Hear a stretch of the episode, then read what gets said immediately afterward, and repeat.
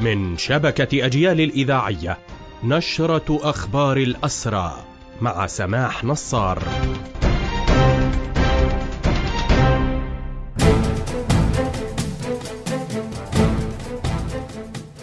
أهلا ومرحبا بكم إلى هذا اللقاء. أعداد الشهداء شهداء الحركة الأسيرة في ارتفاع. مع ارتقاء الأسير محمد الصبار من الخليل فإن عدد شهداء الحركة الأسيرة قد وصل إلى 245 منذ عام 67 19 أسيرا شهيدا يواصل الاحتلال احتجاز جثامينهم. هذا إلى جانب مجموعة من معتقلي غزة الذين كشف إعلام الاحتلال عن استشهادهم في معسكر يسمى سيدي تيمان ولم يكشف عن أسمائهم عدا عن اعتراف الاحتلال بإعدام أحد المعتقلين ومن المرجح أن يكون هناك عدد آخر من معتقلي غزة قد ارتقى جراء عمليات التعذيب والإعدامات الميدانية.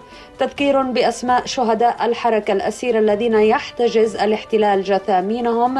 أقدمهم أنيس دولي منذ عام 80 ثم عزيز عويسات وفارس بارود ونصار تقاطقة وبسام السايح وسعد الغرابلي وكمال أبو وعر وسامي العمور وكذلك داود زبيدي وناصر أبو حميد وخضر عدنان وعمر دراغمة وعرفات حمدان وماجد زقول عبد الرحمن مرعي وشهيد لم يعرف اسمه وكذلك الشهيد عبد الرحمن البحش والشهيد محمد الصبار الذي ارتقى أخيرا في الثامن من الشهر الجاري. في أخبار هذه النشرة أيضا المزيد من الاعتقالات اليومية التي يشنها الاحتلال يوميا في محافظات الضفة. مع هذا اليوم تقترب حصيلة الاعتقالات منذ السابع من أكتوبر إلى نحو سبعة آلاف أسير وأسيرة. وهذه الحصيلة تشمل المعتقلين من الرجال وكذلك النساء والأطفال. معظم من تم اعتقالهم خلال هذه الفترة منذ السابع من أكتوبر تم تحويلهم للاعتقال الإداري.